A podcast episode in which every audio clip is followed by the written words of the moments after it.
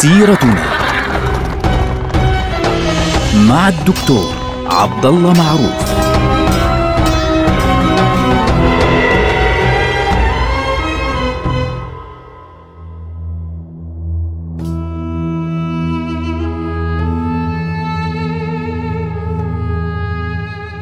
السلام عليكم ورحمة الله وبركاته. سيرتنا سيرة هذه الأمة العظيمة، ونحن الآن في فترة الحملات الصليبية. انتهت الحملة الصليبية الرابعة إلى فشل عظيم بعد أن غيرت طريقها من القدس ومصر إلى القسطنطينية. وبينما الملوك اللي هم ملوك الأيوبيين في آه، بلاد الشام وفي مصر يختلفون فيما بينهم. كانت أوروبا تتحضر فعليا لحملات صليبية جديدة. يعني آه، هناك حملات على فكرة آه، إخواننا بين الحملات الصليبية الكبرى هناك حملات صغيرة. يعني في حلقة سابقة ذكرنا حملة الرعاع أو حملة الفقراء كما تسمى التي كانت يمكن أن نسميها الحملة رقم صفر التي كانت قبل بداية الحملة الصليبية الأولى التي تمكنت بالفعل من السيطرة على القدس. آه، في مرحلة ما بين الحملة الرابعة والحملة الخامسة التي كانت ضد مصر أيضا حدثت حملة آه، أو حملتين على فكرة سميت حملتي الأطفال. حملتا الأطفال. كيف يعني حملتا الأطفال؟ هذه إخواننا حملة شارك فيها أعداد من الأطفال. هناك حديث مختصر جدا في التاريخ في كتب التاريخ الأوروبية عن هذه الأحداث ولكن بشكل عام هي حملات بدأ بها الأطفال وشارك فيها الأطفال بالفعل ويعني لم تقتصر عليهم لكنها شارك فيها الأطفال حقيقة. كانت بدايتها أول حملة مثلا هي حملة الطفل نيكولاس كان عمره عشر سنوات. هذا الطفل نيكولاس يعني كان يعيش في بعض مناطق ألمانيا آه، قريبا من نهر الراين. في يوم الخامس عشرين من شهر مارس اللي هو شهر ثلاثة عام 1212 قال آه، وقف نيكولاس أمام الناس يقول إني رأيت المسيح في المنام ظهر لي المسيح وقال لي عليك يا نيكولاس أن تعبر أوروبا باتجاه البحر ثم تضرب بهذه العصا البحر فأشقه لك كما شق لموسى ثم تعبر الطريق إلى الأرض المقدسة بالفعل. و فالناس أوه يعني دفعوا معه عدد من الأطفال كي يحرروا القدس بين قوسين يعني كما كانوا يقولون. فتحركوا بالفعل في ذلك الوقت واتجهوا حتى يعني مناطق قطعوا المناطق البعيدة وكان هناك جموع كبيرة جدا من الفقراء ومن غيرهم كانوا يتحركون في كل مكان آه، يعني في حملة نيكولاس. وتحرك نيكولاس بالفعل ومن معه من الجموع الكبيرة من الأطفال والرجال والجهلة والمش عارف من وين. وتحركوا بعد أن ماتت أعداد كبيرة منهم بالفعل آه، وفي طريقهم حتى وصلوا إلى منطقة جنوة. جنوة اللي هي في إيطاليا بالفعل. طبعا هناك في ذلك الوقت يعني آه، ضرب آه، نيكولاس البحر فما انشقش البحر. ماذا حدث؟ الآن هنا اختلاف بين المؤرخين. بعضهم يقولون إن الحقيقة أن آه، بعض التجار في جنوة اللي هو التجار الجنويين قالوا لهم نحن على استعداد أن ننقلكم إلى الأرض المقدسة. فحملوا من بقي من الأطفال بالفعل في هذا في هذه السفن على أساس أنهم سينقلونهم إلى الأرض المقدسة واختفى الأطفال راحوا. وبيعوا في أسواق النخاسة. بعضهم باعوهم في شمال إفريقيا بعضهم باعوهم في مناطق أخرى في أوروبا. بيعوا عبيدا وانتهى الأمر تماما. في نفس المرحلة في نفس الفترة اللي هي في شهر يونيو هذيك طبعا انتهت في شهر خمسة 13 خمسة كان تاريخ وصولهم فعليا ونهايتها. في شهر يونيو اللي هو شهر 6 1212 ظهر راعي اسمه إيتن راعي أغنام في فرنسا آه، كان عمره 12 سنة. هذا آه، أعلن أنه هو رسول الرب وأعلن أن المسيح قد ظهر له وأمره بأن يخرج باتجاه هذه البلاد وأنه سيشق له البحر ومش عارف إيه.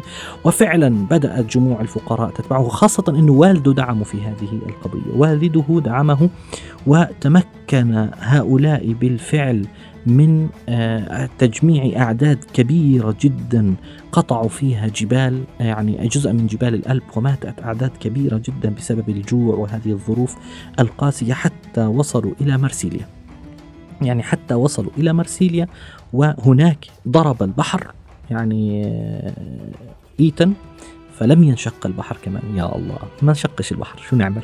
فهناك خلاف طبعا الآن. بعضهم بيقول أنه آه خلاص تفرقت هذه المنطقة وراحت وبعضهم بيقول أنه لا آه يعني لم تتفرق هذه الحملة وإنما أخذها التجار وأيضا باعوهم في أسواق النخاسة.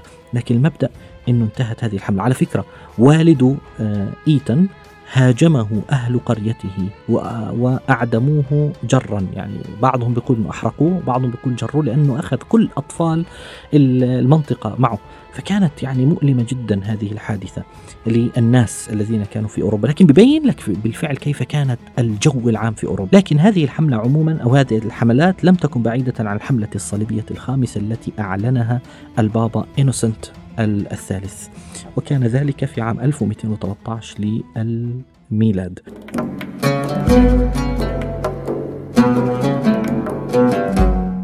في نفس ذلك الوقت عندما بدأت هذه الحملة تتجهز بالفعل بدأت طبعا تتجهز بانعقاد مجامع لها في عام 1215 وتحركت بالفعل هذه الحملة عام 1217 في ذلك الوقت كان الأيوبيون في مرحلة في غاية السوء. كان الأيوبيون في ذلك الوقت يعني مختلفين مع بعضهم البعض. الملك العادل أبو بكر بن أيوب توفي في بداية 1218 يعني أثناء إبحار هذه الحملة ويعني آه، أصبح الملك المعظم عيسى مسؤولا عن جنوب الشام والقدس والأشرف موسى موجود في شمال الشام في حلب وما حولها والكامل محمد في مصر. فالصراع بين هؤلاء الإخوة كان على أشده عندما تحركت هذه الحملة بالفعل ووصلت إلى مناطق مصر. في ذلك الوقت هذه الحملة كانت قد تحركت باتجاه مصر كبداية منها ستنتقل إلى آه، القدس. طبعا بعض الأخبار يعني تبين لنا أن آه، الصليبيين الموجودين في البلاد في بلاد الشام بدأوا أيضا يتجهزون للانضمام إلى هذه الحملة خاصة في عكا. ولكن كان هناك خلافات بينهم وبين القادمين من أوروبا. بينهم وبين القادمين من أوروبا، طبعا هذه الحملة تسمى الحملة المجرية، لماذا؟ لأن سي يعني سيد هذه الحملة وقائد هذه الحملة هو الملك أندرو الثاني ملك آه، المجر، طبعا أندرو أو أندرياش كما يسمى بالفعل. كانت عندهم مشكلة في الجفاف، كانت عندهم مشكلة الخلافات بين الموجودين أصلا في الشام والقادمين من الخارج بالفعل، لكنه أندرياش يعني اقتنع إنه هذه الحملة فيها مشكلة ويعني لم يصل باتجاه عكا فصارت الآن القضية بالنسبة لهم يعني غير آه واضحة. فأندرياش الثاني يعني غضب وانسحب يعني انسحب بقواته آه لأنه لم يقتنع بهذا المشروع. الآن الآن عندما تحركت القوات التي جاءت من عكا والقوات التي وصلت من أوروبا وصلوا بالفعل إلى مصر وقرروا أن يدخلوا دمياط عن طريق دمياط. فكانت دمياط هي المفتاح الذي ستدخل إليه هذه القوات إلى مصر. وفعلا وصلت أولى فصائل الصليبيين في عام 1218 يعني بنتكلم عن حوالي تقريبا يعني شهر خمسة يعني في بداية الصيف تقريبا أو يعني آه، وسط الربيع. وبقوا يحاصرون دمياط تقريبا سنة ونصف. سنة ونص وهم يحاصرون دمياط. طبعا لاحقا يعني بعضهم مل من هذا الحصار وخرج باتجاه باتجاه آه، اوروبا منهم مثلا أحد القادة النمساويين اسمه ليوبولد. فهذا الرجل يعني غضب وحمل حاله طلع يعني قال شو إحنا صرنا سنة ونص إحنا رايحين للقدس أصلا ليش جايين نستنى في دمياط سنة ونص؟ سنة ونص في دمياط فكيف سيحدث الأمر لو أردنا أن ندخل القدس؟ الذي زاد الطين بله إنه فيضان النيل عليهم في دمياط. أهل مصر متعودين وبيعرفوا كيف يتعاملوا مع فيضان النيل لكن هؤلاء لم يعرفوا كيف يتعاملون فنزلوا في الطين والوحل وأصابتهم الأوبئة. لكنهم بقوا يعني يحاصرون دمياط فجاع أهل دمياط جوعا شديدا. ولدرجة وصلت الأمور بالسلطان الكامل محمد في ذلك الوقت الذي كان ملك مصر في ذلك الوقت. كان خلص ماخذ الأمور ماخذ مصر من والده. فالكامل محمد عرض عليهم إنه يا جماعة الخير خذوا آه، مملكة القدس خذوا القدس ولكن اتركونا اتركونا وحدنا.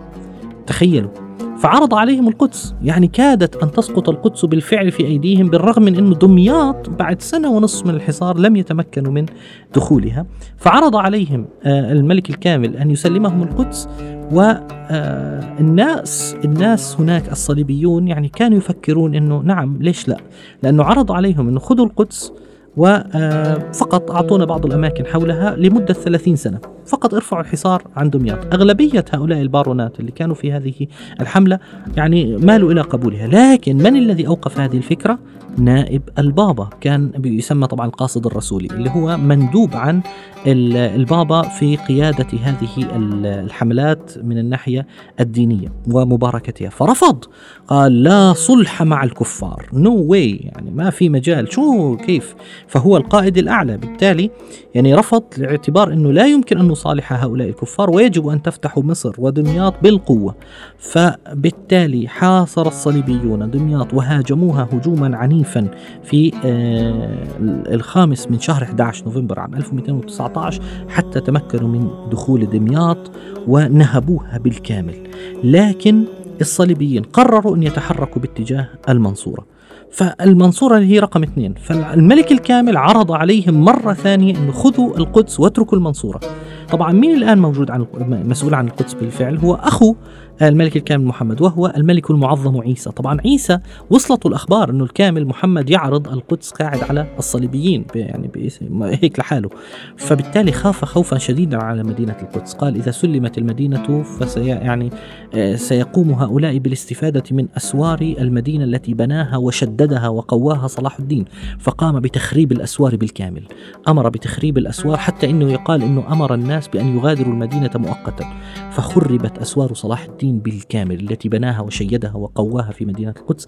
ولذلك كان الشعراء يهجون الملك المعظم عيسى وكرهه الناس في ذلك الوقت. لكن تبين أن الملك المعظم عيسى على فكرة كان له بعد نظر. لأنه بعد وفاته يعني سنرى لاحقا كيف سلمت المدينة بالفعل للصليبيين. فلو استلمها الصليبيون مع بقاء سور صلاح الدين سيكون الأمر مختلفا تماما. المبدأ رفض الصليبيون مرة أخرى يعني هذه هذا العرض وبدأوا يحاولون أن يدخلوا المنصورة فبدأ فيضان النيل وقطع المسلمون طريق التراجع عليهم وحاصروهم بأعداد كبيرة فطلب الصليبيون الصلح.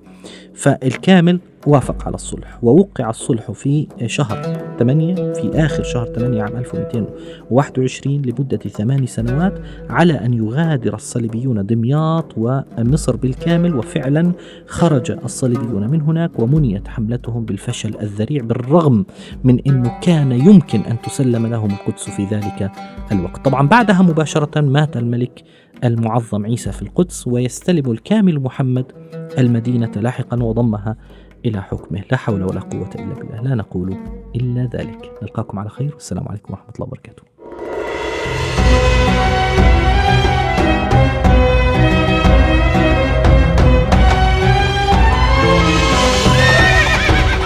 سيرتنا مع الدكتور عبد الله معروف.